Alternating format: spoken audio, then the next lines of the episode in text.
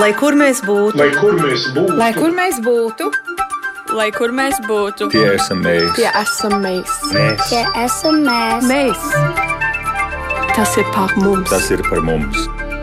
tas ir par mums. Esiet sveicināti! Jāņa nedēļā vasaras saulgriežu laikā mēs raidījumā Globālais Latvijas 21. gadsimts celsim godā kokli. Trimdas koklis vēsture un koklēšanas kustība mūsdienās - tas ir tas, kas būs šodienas raidījuma uzmanības centrā. Uzzināsim arī par Latviešu kultūras biedrību tilts, ar kuru kopā tapis uh, koklītes skanēja un kas ir koklītes skanēja. Tās ir virtuālas tikšanās Latviešu centros ASV un arī citvieta pasaulē. Un uz sarunu par šo tematu, lai mēs varētu kokli godā celt un slavināt, mēs esam aicinājuši Dāci Veinbergu, kura ir projekta Trimdas kokli līdz iniciātore. Māra Linde savukārt ir projekta Trimdas kokle vadītāja, un par Māru es teikšu, Māra ir nakts vidū piecēlusies, lai varētu piedalīties mūsu sarunā. Dāce Aperāna ir komponiste un Latviešu kultūras biedrības tilts pārstāve. Dāce arī ir attālināti šodien mūsu raidījumā. Marisa Zubāna savukārt ir Toronto Latviešu biedrības sēsdienas skolas koklēšanas skolotāja, un vēl sarunā piedalās Zinta Pone, Minneapolis, St. Paulas Latviešu skolas koklēšanas skolotāja un arī tautas dziesmu kopas teiksma dalībniece. Es atgādinu, ka šis ir raidījums, kuru jūs varat ne tikai klausīties kā radio raidījumu, bet jūs varat arī to skatīties kā televīzijas, interneta tiešraidi, šobrīd uh, tiešraidi ir skatāma gan Latvijas radio viens mājaslapā, gan arī radio YouTube kontā. Nu, jāsāk ar to, ka m, šis projekts Trindas kokle nav tāds, ka tas būtu kaut kādu gadu gadiem uh, risinājies. Tas ir aizsācies pērnā gada rudenī, un arī Latviešu kultūras biedrības tilts virtuālās sarunas koklītes skanēja, ir uh, rudenī sācies. Te nu ir jautājums, Kura no jums tad ir tā idejas autore un arī atklāt, kā tieši tā, doma par koklas godā celšanu ir radusies? Te man laikam jāsaka, ka gan Māra Linda, gan, gan Dāce Veinberga būs tās, kuras pirmās par šo runās. Māra. Jā, labi. Tas sākās uh, kādus pāris gadus atpakaļ, kad es iegādājos no savas kora biedrenes kokli.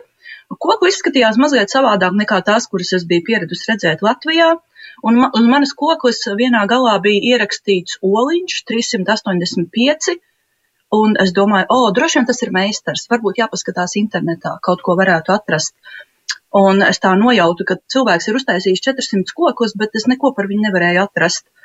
Un tad mazliet vēlāk es jau kādu laiku biju labos draugos ar Dāci Veinbergu un, un esot garas ar 3x3 nometnē, mēs jau bijām runājuši par to, kad mēs zinām, kad uh, bija ārpus Latvijā, ārpus Latvijas taisītās koklas, bet neviens tā īsti nezin, cik daudz viņu ir un kas vispār, uh, kas vispār ar viņām šobrīd notiek, jo mēs pazinām tikai dažus cilvēkus, kas viņus koklēja uz to brīdi.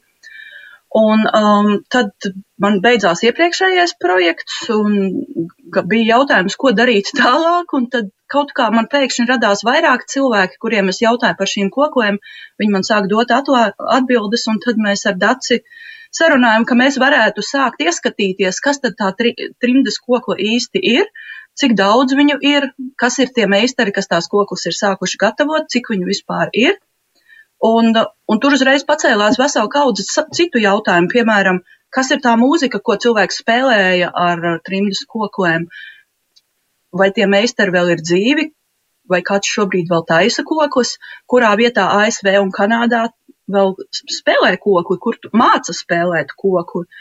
Un, protams, tas, ko mēs varbūt tajā brīdī uz pašā sākumā nesapratām, ir par to, cik milzīgi daudz cilvēku bija ap, apakšā zem visas šīs sistēmas, ka tur bija cilvēki, kuri koklēja, tur bija cilvēki, kas mācīja koklēt, tur bija cilvēki, kas uh, iekļāva koklētāju priekšnesumus dziesmu svētkos, tur bija cilvēki, kas bija uzrīkojuši tādus svētkus, kas saucās kokļu dienas vai kokļu svētki, kur, uh, kur visas vairākas dienas bija veltītas tikai kokiem, kur bija gan priekšnesumi, gan arī referāti par kokļu gatavošanu un kokļu spēlēšanu. Tā kā mums ir uh, Tāda otra problēma ir tā, ka šobrīd tie cilvēki, kuri 60., 70., 80. gados spēlēja un bija iesaistīti, viņi ir lielos gados. Un ļoti bieži trešā, ceturtā trims latviešu paudze viņi uh, manto šīs koklas, un viņi īsti nezin, ko ar to darīt, un internetā nepārāk daudz par to ir atrodams. Tā kā no vienas puses mēs apkopojam, lai tā informācija, lai tie tās notis, apraksti um, un visādi materiāli saistīti ar kokošanu, lai viņi neaiziet postā, lai cilvēki viņus neizmet ārā vienkārši. Un otra lieta ir, kad uh, ir tik daudz cilvēku, kurām tas kokos ir mājās, bet, piemēram, viņi nezin, kā viņus kokot. Viņi, o, tas man mantojumā no vecmāmiņas, bet vai tur viena stīga trūkst, un es nemaz nezinu, ko ar to darīt. Bet faktiski šobrīd uh, par šo gadu mēs esam sapazinušies, mēs esam sapazīstināti ar tik daudz cilvēkiem, kas zina, ko ar tām koklēm darīt, kas zina, kā viņas apkopt, kad uh, es domāju, ka uh, mums ir ļoti vēl plašs tas pulks, kas zina, ko ar tām trimdas koklēm darīt. Te es uh, iesaistīšu Dāci Veinbergu. Tātad, Dāce, sākotnēji es saprotu, jums šī ideja veidot projektu uh, trimdas kokla sākās ar virkni jautājumu. Un tie ir tie jautājumi, kurus patiesībā es arī gribu saprast, bet droši vien ir jāsāk ar to, ar ko tad trimdas kokla atšķiras, nu, kā jau Māra minēja, no tām, ko viņa pirms tam bija redzējusi Latvijā. Nu, viņas, iz, viņas izskatās nedaudz savādākas, uh, viņas varbūt ir mazākas, uh, bet, viņa, bet ir liela dažādība. Un, uh, ja skatās notīs, tad redz, ka pārsvarā notis ir rakstītas mī mažorā. Kā, bet, bet tas nenozīmē, ka visas bija mī mažorā, bija arī do koklis varbūt visizplatītākās tomēr bija 13 stīgu koklis, sevišķi pēc tam, kad Andrejs Jansons izdeva savu koklēšanas apmācību grāmatu, uh, bet ir 14, 15 un arī 9 stīgu koklis. Un cik tad pavisam to kokļu, nu, vai jūs esat jau kopš rudens spējušas apzināt? Oh. nu, nu, nu, mēs esam saskaitījuši 45 darinātājus, Un diezgan droši var pateikt, ka ir vismaz 3000 izgatavotas. Un, uh, man jāsaka, ka tad, kad es sāku nojaust, cik viņu daudz ir bijis, uh, kad nu, vienkārši nu, noskrien skudriņas. Jā, jo nu, man, man bija, es esmu tādā vecumā, ka man liekas, ka, ka gandrīz tāpat kā Ralutiņa Balēliņa, es piedzimu tevatrādu Tās koklas it kā vienmēr ir bijušas un vienmēr būs, bet tā īstenībā nav. Tās koklas ir radušās konkrētā laikā. Un uh, pēc piedalīšanās mutvārdu vēstures ievirzē 3x3 nometnē Garazarā, e, es jau sāku domāt par to, nu, nu kā par, tām, par bēgļu gaitām un par uh, uh, dīpīšu nometņu laiku. Un, uh, vai tad ir koklis izvests no Latvijas, kāds ir paņēmis līdzi? Un atbilde ir, ka mēs varam sazīmēt tikai vienu līdzpaņemtu kokli. Un tā bija Jānim Norvilim. Uh, un tad, tad ir domas iet uz to, nu kā, kā, mēs, kā, kā mēs nonākām, kā nu, tā sabiedrība, kurā es augu un veidojos, kā no vienas koklis Mēs tikām līdz 3000 kokiem. Nu, un kā jums ir skaidrojums? No vienas koklas, kas nonāk uz trimdā, ir tagad 3000 kokļu. Kā? Jā, nu tas ir, tas ir, mēs tagad meklējam, mēs mēģinām sadzīt pēdas, kā tas ir noticis. Jā, un man, pirmā vietā man jāsaka, ir koklas tēls latviešiem apziņā ļoti spilgts tēls. Un es to saskatu kā tādu liecību, ka, nu, teiksim, tukšā materiālā vietā no garīgās, no garīga mantojuma, uh, nu, ko, no, ko no tā var iztaisīt, var uztaisīt, jā, radīt. Un, un cilvēki, kuriem nav nekā materiāli, jā, un, un tas ir salīdzinot ar, piemēram, ar kuru tradīciju vai pat ar tautas dejām, jā, no Latvijas izbrauca ļoti daudz diriģentu, ļoti daudz rūtītu koristu, komponistu, bet no, to koklētāji gan nebija trimdā, un arī ne tajās bēgļu nometnēs. Tā kā tas ir, zināmā veidā, tā ir tradīcijas turpinājums un arī reizē zināma jaunrade. Bet, bet tas tie ceļi, kā, kā nonāca kokli, ja, ja nonāca viena kokle, bet izbrauc no Latvijas divi cilvēki, kuri bija ar zināšanām. Viens bija ab, abi mākslinieki, Oto Kampe, kurš nonāca Austrālijā, un Leonīds Linauts, kurš nonāca Amerikas Savienotajās valstīs. Un tie abi bija Latvijas laikā uh, pētījuši koklis, mērījuši koklis muzejā, apbraukājuši um, Latvijas me, Latviju meklējot koklis pie, pie Latvijas meistariem. Kā, un uh, Linautam pasē ir bijuši koklis izmēri, laikam kādas kurzemes koklis izmēri. Un nonākot ASV, tad arī um, palēnām veidojās interese, un viņš arī uh, nu, centās vairot arī citos um, interesi. Un, tā, un šo uzķēra jaunieši. Koklēšanas kustība ir jauniešu kustība, jaunatnes kustība. Protams, ar, ar skolotājiem. Um, pirmā ko, pirmo kokli ASV uztaisīja valdes kārtas. Tas ir 61. gadā. Uh, nu, un ar to laiku arī nu, ko nu, Linautu pazina Konstantīns Dravnieks, arī no, no dīpīšu nometņu laikiem. Un uh, Linauts palīdzēja Dravniekam saprast, kādu kokli taisīt. Un viņš bija skaņu inženieris, un viņam un katru kokli bija tāds tehnisks izaicinājums, eksperiments, kā uztaisīt labāku kokli. Un, um, nu, sakiet.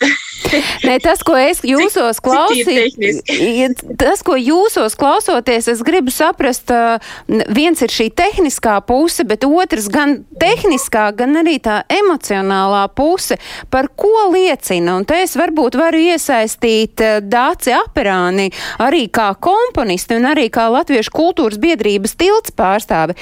Par ko liecina tās viena kokle, Tad 3000 kokļu, tātad tas iet plašumā. Uh, ir divi meistari, kuri viens no viņiem pasē ir atvedis to koklas tehnisko rasējumu, vai es nezinu, kā mēs to varam nosaukt. Pēcāk 45 darinātāji. Kas tad tā kokla ir par tādu fenomenu? Nu, es, es pati koklēju. Man jāsaka, ka tajos 70. gados, arī kad es iesāku koklēt, tad tiešām manai paudzei un, un uh, man, maniem laikbiedriem, Pēterim Maldiņam, Mārtiņam Maldiņam, kuri uh, koklēja arī kolibrī, ansamblī kolibrī un uh, Imantam Mežaraupam un, un citiem, uh, mums koklē koklēšana saistījās ar latviešu tautas mūziku, mūziku, ar latviešu tautas dziesmām. Mēs paši rakstījām arī apdares, nevienu kokļu ansambļiem un solo koklē, bet mēs arī dziedājam jauniešu koros piedalījāmies uh, jaunatnes dziesmu svētkos, un, un mēs arī iedvesmojamies no, piemēram, Andreja Jansona un viņa plašās darbības tieši ar koklēšanas, trījus koklēšanas kustību. Tā, tā, tā bija daļa no mūsu dzīves, un, un vienā ziņā varbūt es nesen ar Pēteru Aldīnu runāju, ka šī uh, latviskā dzīves ziņa, kas ir izstaro no dainām un, un tautas mūzika, tā varbūt savā veidā mums tā kā radīja tādu, ar, no ar to, ka mēs nevarējām būt geogrāfiskā Latvijā, tad tas, ka mēs iedziļinājāmies šī brīnišķīgā senatnīgā pasaulē un, un ar tik daudziem citiem mūsu laikbiedriem, tas mums varbūt savā ziņā radīja mums tādu, tādu nu, metafizisku vai kā Latviju. Un, tieksim, tas bija, tas bija brīnišķīgs laiks, un bija daudz jauniešu kori skolās, daudz uh, ansambļi radās, un daudz tie vadītāji paši bija, bija jauni.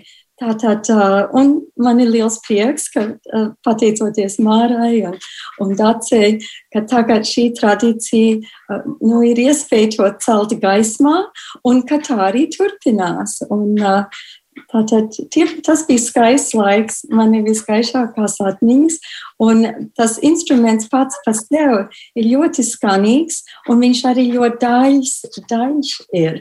Tātad es pat esmu mācījis koklēšanu arī Katskaļu vasaras nometnē, strādājis tur ar bērniem kopā. Tas bija laikam 70. gados ar Edītu Zēlu Annus, kur arī bija ļoti aktīvi Eiropā un apmācīja Minsters uh, ģimnāzijā koklēšanu. Un mēs strādājam ar maziem bērniem un ar jauniešiem. Un nesen, pirms laikam diviem gadiem, es arī biju kāds kiļos. Un tad es tikai spēlēju solo kokli, kad man tāds mazs korīts dziedāja. Un jaunieši tā iedvesmojās vienkārši no šīm skaņām. Tātad tur ir tāda burvība ap šo instrumentu. Un es saprotu arī kaut kas tāds nelīdz galam, varbūt pat izskaidrojams un izprotams, kaut kas tāds, kā jūs jau minējāt, ka tā ir kaut to kaut kas vairāk par vienkāršu instrumentu. Zinta, jūs, es saprotu, esat ar, ar kokli bijusi kopā, nu, kopš bērna kājas. Es ne, nekļūdīšos, cerot, cerams, sakot to. Tad tas jūsu skaidrojums, viena kokla pēc tam 3000 un, un daži meistari, bet beigās viņu ir 45 trimdā. Jā, to es nezinu, kā tas pieauga tādā veidā. Jā, es, mana mamma dibināja un vadīja koklēšanas ansamblu teiksma Minneapolē. Tātad pirms es dzimu, viņa jau, viņai kaut kā viņa aizbrauca uz vienām kokļu dienām, viņai ļoti patika, viņa savāca draudzenes te Minneapolē, kas dziedāja uh, un dažas koklēja. Un Viņa pati pa tiem gadiem ir savākusi, es nezinu, cik daudzas kokles. Uh, gan mīja, gan do skaņojumā, starp citu, toreiz ražotas. No sākuma, kad teiksim, sāka dziedāt 60. gadu beigās, tad viss bija tikai ar mīkokliem. Un, bet tagad, gadu gaitā, mēs esam pārgājuši visi mazliet zemāk, sāk dziedāt, un mēs spēlējam do koklis. Paskaidrojiet tā mī un tā mī un do kokli, nu, ka vienkārši kāpēc, uh, no ar ko viņas atšķiras? Uh, augstuma ziņā. Mīja ir augstāka toņkārta, jādzied mazliet augstāk, un do ir zemāka toņkārta. Viņas spēlē pilnīgi identiski vienādi. Vienkārši viņas uzskaņo. Viena ir mītoņkārtā, un otra ir dotoņkārtā. Es gribu ierosināt, lai klausītājiem nav tikai teorija, bet ir arī prakse, lai viņi dzird, kā tas skan. Mēs klausīsimies kokli un dziesmu Minneapolis folkloras kopas teiksma izpildījumā. Tāds neliels fragments klausāmies un skatāmies.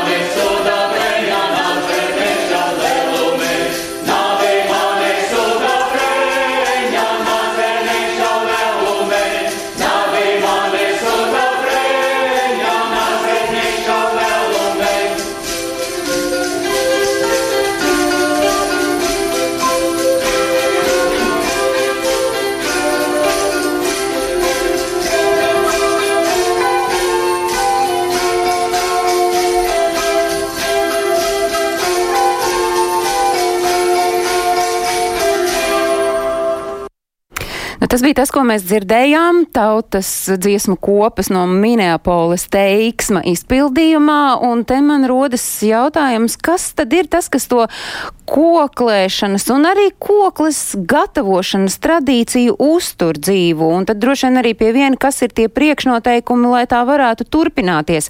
Es nezinu, kura no jums dāmas man to var pateikt. Dace Veinberga varbūt, vai Māra Linde? Nu, Dacīt, tu mēģināsi. nu. Nē, es, es, es varbūt pasniegšos pēc grāmatas, ja jūs man vienu mirklī. Kamēr Dace meklē grāmatu, es uh, pateikšu to, ka mums ir uh, koklis ir tuvu par rokai cilvēkiem, un visi pazīst kādu, kas māk koklēt. Tas ir, um, kā lai pasaka, uh, 60. un 70. gados tā koklēšana bija modē, un man šķiet, ka šobrīd koklēšana ir gaisā, jo Latvijā ir viņa atkal pēdējos dažos gados kļuvusi daudz, daudz populārāka un nu, vismaz manā Facebook informācijas burbulī man ir radusies sajūta, ka visi māk koklēt un visi ir vismaz vienu koklu uztaisījuši. Nu, es nemāku koklēt un arī vēl neesmu uztaisījis, bet es uh, pieķeršos jūsu sacītajam Māra par to, ka katram ir par rokai vismaz pa ko, nu, ka jums ir tā sajūta, ka katram par, ro, par rokai ir koklis, skatos, jums reāli tur par rokai ir neviena vien tā kokli, riņķī apkārt, mm -hmm. cik pavisam jums ir tur? 1, 2, 3, 4. Nu, es redzu. Es esmu izlikusi četras. Un um, es, es izmantošu iespēju parunāt par to, jo, kā var redzēt, te viena ir lielāka, tad ir tāda vidēja izmēra, un tad tur ir mazāka. Un tad jāsaka, ir tā, ka tādam parastam koklētājam um, vai nu Kanādā, Austrālijā, vai Eiropā, Zviedrijā vai Anglijā visdrīzāk bija šī kokle, kura ir um, tā kā vidējās oktāvas augstumā, mī mažorā, un um, ar 13 stīgām, bet tad, ja tika spēlēts ansambļos, tad tie, kuri apdarināja tautas dziesmas, viņi visdrīzāk tur bija paredzējuši, ka ir divas dažādas melodijas vidējā izmēra koklēm, parastajām koklēm, bet ļoti bieži viņi izmantoja arī divu, divu, kādu oktāvu zemāku koklu, basa kokli, un vēl arī bija oktāva augstāka sīkaliņa. Tā kā, ja tas bija tāds uh, kokļu ansamblis, ja tas nebija tikai piemēram, skolas kokošanas grupa, tad tur iespējams, ka bija trīs izmēru kokos. Sīkaliņi jūs teicāt? Jā, sīkaliņa, bet tā ir visretākā. Tā ir visretākā. Labi, tad dāca grāmata ir atrasta, un uh, jūs pateiksit, nu, no kā tad ir uh, atkarīgs tas, ka tā koklis uh, gan gatavošana, gan spēlēšana ir dzīva joprojām? Nu, es nezinu, vai es atbildēšu uz, uz jautājumu, kāpēc joprojām, bet es paņēmu Valentīnu Bērstu Latvijas dziesmu sēku trimdā. Jā. Valentīns Bērns droši vien vislabāk pazīstams kā komponists, dziesmu sēku vēsturnieks. Bet trimdas sākuma gados viņš dzīvoja Filadelfijā un tur vadīja jaunatnes pulciņu. Viņš nemācīja koklēšanu, bet viņš pavadīja, um, viņš, nu, viņš mācīja jauniešiem dziedāt. Un viņš dziedāšanu pavadīja ar kokli, un tas tiem Filadelfijas jauniešiem jau uh, radīja tādu nu, ļoti siltas, siltas sajūtas par koklēšanu, un viņi stāsta, ka nu, viņš vispār bijis brīnišķīgs cilvēks, un viņi arī ir nu, no, gribējuši koklēt. Bet šajā grāmatā ievadā ir citāts no Jāzepa Vītola. Tas ir 45. gadā Flensburgā, Vācijā, un uzruna ir šāda. Dziedoņi, koklētāji, mūsu tautas dzīvās skaņas cels vienu no drošajiem tiltiem, kas mūs no salta svešuma atkal pārvedīs mūsu senču sviedriem, mūsu brāļu asinīm svaidītajā dzimtenē. Skaņāk, lai skan jūsu balsis, gaišāk jūsu koklis. Skaists būs tēvies pasniegtais ozolu vainags. Un, uh, un reāli nevienam nav koklis. 45. gadā Flensburgā. Ir dziedātāji, ir tie dziedoņi. Un pēc, un, tam, un pēc tam, kā mēs dzirdam, tā kokla tomēr ir aizgājusi plašumā, bet stāsts par to, ka te bija tie cilvēki, kuri panāca to iemīlēšanos koklē, jo bez tā jau nav iespējams. Un Jā. tas joprojām ir tas, kas ir tas atslēgas vārds. Lai arī šobrīd varētu kokli skanēt, ir jābūt tiem, kuri iet pa priekšu un tiem, kuri rada to sajūtu, ka tā ir tā mana Latvija. Un uh, viens no tādiem cilvēkiem, kurš dien dienā strādā ar bērniem un jauniešiem un iemīlina viņus koklē, es tā ļoti ceru, ir Marisa Zubāne. Un Marisa, nu tas jūsu skaidrojums, kas ir tas kokles fenomens? Jums pašai ir, es tiem, kuri neskatās, var pateikt, ir aiz muguras arī četras kokles. Jā, uh, trīs no šām koklēm pieder mūsu ģimenei un viena uh, pieder skolai. Uh, kas ir tas fenomens? Nu, tas uh, koklēšana tika iesākta mūsu latviešu skolā kā uh, blakus priekšmets uh, 1968. gadā jau. Man liekas, ka Kārlis Taško, kas bija ļoti uh, zināms uh, darinātājs un mūziķis un koklētājs šeit Kanādā. Un tātad mācības ar, ar dažām pauzēm ir notikušas kopš tiem gadiem. Mums sevišķi jauniešus iedvesmoja Arijāna Liepiņa. Viņa 37 gadus mācīja koklēšanu un palīdzēja citiem koklēt un, un mācīt. Bet šobrīd to darāt jūs, un nu, es tagad uh, mēģinu vizualizēt to ainiņu. Nu, atnāk, uh, nu, tāds, es nezinu, cik vecs uh, puika vai meitene uz latviešu skolu, un jūs esat tas cilvēks, kurš viņam saka, nu, redz, kur mums ir kokla, spēlēsi, ko viņš saka, kā jūs uh, viņam ļaujat iepazīt to instrumentu un saprast, kur slēpjas tā burvība koklai. Uh, nu, viņi nāk uz stundām un mēs pārunājam, kā rīkoties ar to kokli, kā būt uzmanīgiem. Viņi ieliek klēpī, mēs pastāstam, kur likt pirkstīņos. Uh, viņi pamazām, pamazām, daži tikai to mana kā priekšmetu un daži tiešām sāk iemīlēties ar to. Un mēs uh, uzstājamies vairākos priekšnesumos uh, pa pa, skolas gadu, mācību gadu, un nu, tur ir tie bērni, kam ir tāds uzķēriens, un tad viņi turpinās koklēt, un ir tādi, kam tas, nu, ka viņiem tikai tiek mācīts, varbūt vēlāk dzīvē viņi atkal paņems un sāks turpināt kaut ko. Marisa, jūs esat atsūtījusi mums vairākus video. Vienu no tiem mēs tagad visi kopīgi varētu paskatīties. Tie, kur skatās raidījumu un klausīties, tie, kuri mūs klausās, bēdu manu lielu bēdu, un es saprotu, ka piekto, astoto klašu audzēkņi izpilda šo priekšnesumu.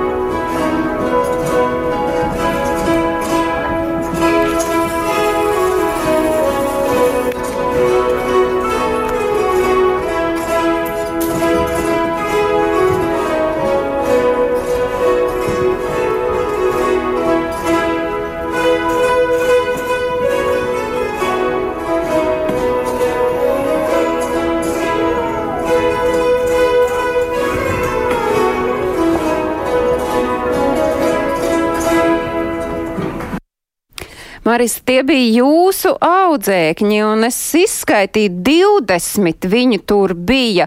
Nu, tas nav mazs skaits jauniešu, kuriem droši vien ir galva pilna ar visu visādām citām interesēm. Nu, ko jūs redzat, kas, kas ir tas tā dzirkstēle, kas viņos uh, notur pie koklas? Vai varbūt jums pašai ir tā, jūs, jūs pati zināt, kas tas ir?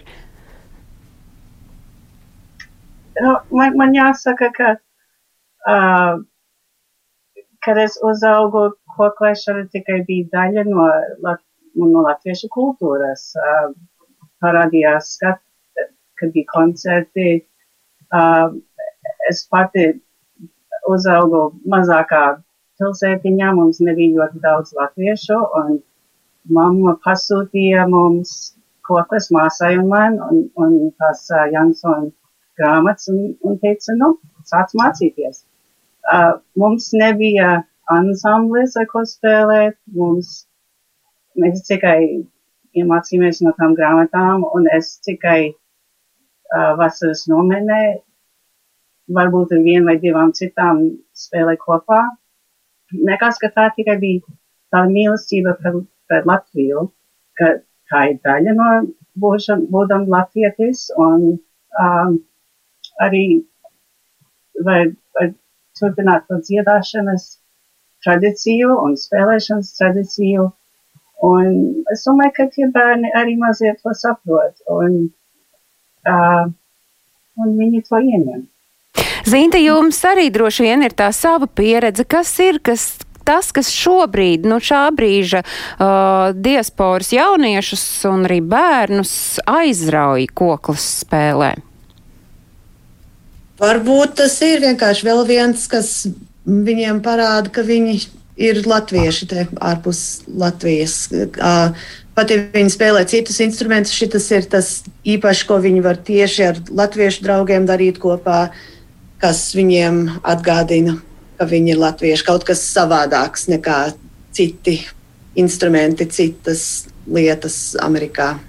Bet runājot vispār par, par šo uh, kokles tradīciju un uh, par koklēšanu, biedrība tilts, Latviešu kultūras biedrība tilts um, organizē šīs virtuālās sarunas, kas tā arī sauc koklītes skanēja. Un Dāce, droši vien, ka Dāce Aperāne, es uh, vēršos pie jums ar jautājumu. Pavisam īsi ieskicējiet, kas ir biedrība tilts, manis jau vairāk kārt pieminētā, un tad šīs virtuālās sarunas, cik plaši plaši un kupli apmeklētas, un ko jūs paguvāt izrunāt, bet vispirms par to, kas ir tilts. Paldies, paldies. Nu, Latviešu kultūras biedrība tilts uh, uzsāk savu darbību pirms 52 gadiem. Un tilts ir Amerikā uh, inkorporēta bezpējas organizācija ar mērķi atbalstīt latviešu kultūru un izglītību, kā Latvijā, tā ārpus tās. Un jau atmodas laikā tilts un tās ilgadējais priekšsēdis Čirts Seidenbergs, Baltas locekļi un biedri Amerikā, Kanādā un Eiropā veidoja kultūras un izglītības tā saucamos tiltus starp latviešu tautu Latvijā un tautiešiem ārzemēs. Un uh, viens no galvenajiem tilta darbības laukiem ir muzikāla un teātris sarīkojuma turnēju organizēšana Latviešu centriem Ziemeļa Amerikā. Uh, tilts darbu veids valdē, ko katru gadu pārvēl un kas strādā bez atlīdzības.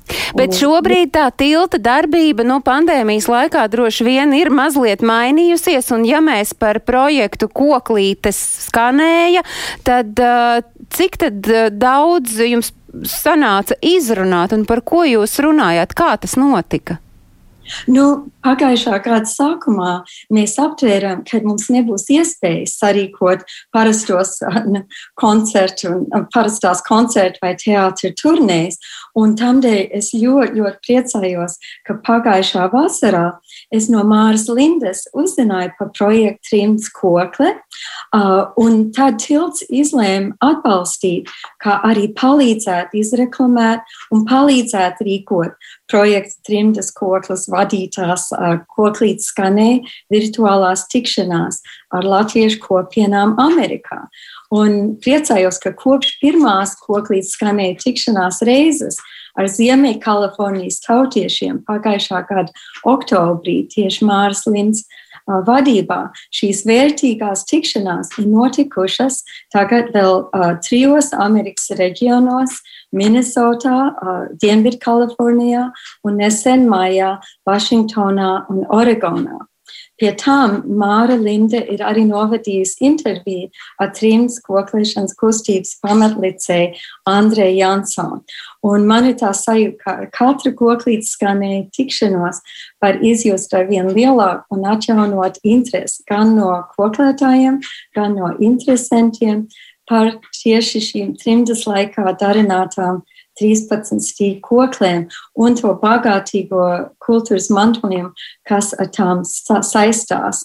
Un man, es esmu piedalījusies katrā koklēšanas, no koklītes skanēja tikšanās, tāpat kā, kādreiz parasti kā klausītāji, un tiešām var izjust tādu speciālu gaišu enerģiju, klausoties katru koklētāju stāstus. Tā arī Māra un Linda un Dāts Veinberg uzzina par to, kā, kas ir bijis varbūt īpaši par koklēšanu, piemēram, Ziemeļkalifornijā un salīdzinājumā ar ar koklēšanas kustību Minnesotā. Un man tieši man pašai ļoti interesē noklausīties tās detaļas uh, un tās nianses par katru centru. Un tā nu Dace un Māra jau papildina tagad savu datu bāzi ar šo informāciju, kas ir bijuši koklis darinātāji, kas ir bijuši tie koklēšanas ansambļu vadītāji, un reizēm arī piedalās tautieši, kur varbūt nav tik bieži piedalījušies klātienē mūsu sabiedrībā, un tieši no viņiem arī var uzzināt brīnišķīgus stāstus, un, un arī uzzināt par to, kuriem ir koklis. Un, Mārta man stāstīja, arī viena ģimene netālu no viņas izlēma noziedot savas koklis San Francisco Latviešu skolai. Tā kā tāds arī ir tādas jaukas lietas notiek, un tādēļ tagad San Francisco latviešu skolniekiem ir arī šie instrumenti, uz kuriem koklēti, bet Māra un Dace varētu vairāk. Māru es tieši gribēju iesaistīt šai brīdī, jo tad es saprotu, nu, projekts Trimdas kokle, nu, tas ir tāds salīdzinoši nesen sācies, bet man šķiet, ka jau tāda pamatīga, pamatīgs darbs ir paveikts. Kādu jūs redzat to turpinājumu un, un, un kur tad ir kaut kāds tas gala punkts vai, vai gala punkta nav un tas ir tāda bezgalība? Nu, zini kā, latviešiem ir tāds teiciens, jo dziļāk mežā, jo vairāk malkas, ja? Nu, un, un, lai gan no vienas puses, uh, tagad no Amerikas mēs esam aptvēruši tikai četrus štatus, bet ir tāda sajūta, ka katrā no tiem štatiem ir vēl vairāk ko darīt. Un, um, mēs pašus priekš sevis esam izlēmuši ar šo projektu nodarboties trīs gadus, kurš vienkārši tāpēc, ka nekad nevarēs apkopot pilnīgi visu, savākt pilnīgi visu. Uh, Bet tas, ko es varu pateikt, kad um, Dace ir savā Kanādas sabiedrībā darbojusies, es nezinu, ko visu savu mūžu. Viņa ir atpazīstama savā sabiedrībā. Es šobrīd esmu darbojusies jau 11 gadus, un caur 3x3 man ir izveidojies ļoti plašs latviešu tīkls, kurus es pazīstu un kuri tāpēc, ka viņi mūs pazīst, viņi mums uzticās. Tas ir tāpēc, viņi atdod savus, vecta, savus materiālus, kas ir no vectēviem saglabājusies, viņi mums pastāsta savus pieredzes stāstus, ko mēs savādāk nekā neuzzinātu. Un, uh, Un ko jūs ar to informāciju, ko jūs esat uzzinājuši, esat plānojuši darīt? Proti, nu vai tā top kaut kādā brīdī pieejama ikvienam, kurš tagad ir ieinteresējies par trimdas kokli un to gan vēsturi, gan tradīcijas saglabāšanu? Mēs ceram izveidot mājaslapu, jo tā lieta ir, ka tās kokus dažreiz cilvēki manto arī tad, ja viņi var, viņu dzim, ģimenē vairs nerunā latviski. Un uh, tad, kad uh, Zinta minēja par to, ko, kāpēc to koku cilvēks spēlē, tā lieta ir, ka caur koklēšanu, es domāju, ir vēl viens veids, kā mazliet ilgāk tos tos latviešus, kuri ir pārtautojušies, pieturēt latviešu sabiedrībai, jo nu, savādāk šobrīd, ja tu vairs nerunā latviski, tu daudz ko no latviskās kultūras pazaudē, bet ja tu iemācies koklēt, tas ir vēl viens veids, kā tu tur vari pieturēties pie tā. Tāpēc mums šķiet ļoti svarīgi to informāciju, ko mēs apkoposim, mēs viņu apkoposim un publicēsim latviski un angliski. Tā kā būs mājaslapa kaut kad, kad mums tam pietiks spēka un laika, jo tomēr apjoms ir milzīgs un ģimeni un darbu un skolu neviens nav atcēlis. Paldies! Un, un būtībā mēs, jā. Piedodiet. Jā, jā, mēs jā, jau esam procesa sākumā. Jā, jā, mēs sākām ar, ar, no rietumu krastu, kur Māra atrodas, un sākām ar, ar mazākām sabiedrībām, bet vēl stāv priekšā nu, lielie centri. Ir nu, Čikāga, Toronto, Ņujorka, Ņūdžersija, viss austrumkrasts un Arī ārpus, jā, tieši tā, jā. Eiropa un Austrālija. Uh, vai es nekļūdos sakot, ka Visvalds Freimanis uh, nav no Ziemeļamerikas, bet viņš ir viens no cilvēkiem, kurš ir bijis pagājušā gadsimta 70. gadu viens no labākajiem jaunās paudzes koklētājiem, arī pats darinājis koklis, to starp vienu elektrisko kokli. Uh, Visvalds pats gan ir mūžībā aizgājis, bet mums ir saglabājies tas, ko viņš ir uh, radījis ar kokli, un tas ir tas, ko mēs uh, vēl šodien arī klausāmies raidījumā.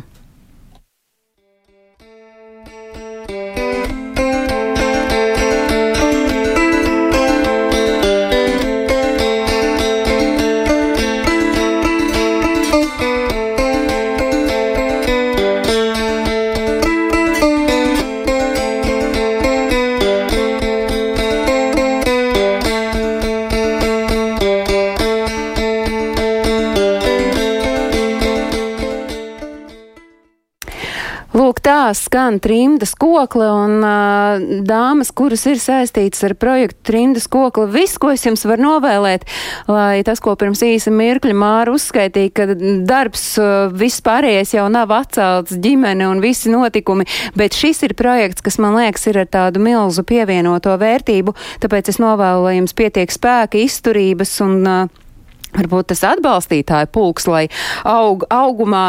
Pirms mēs sarunu šodien noslēdzam, es vēl gribu dot vārdu Dācei Aperānai, jo tiltam ir tādi pāris tuvākie notikumi, par kuriem jūs gribat atgādināt un izstāstīt uh, latviešu sabiedrībai visā pasaulē, ko nevajadzētu palaist garām.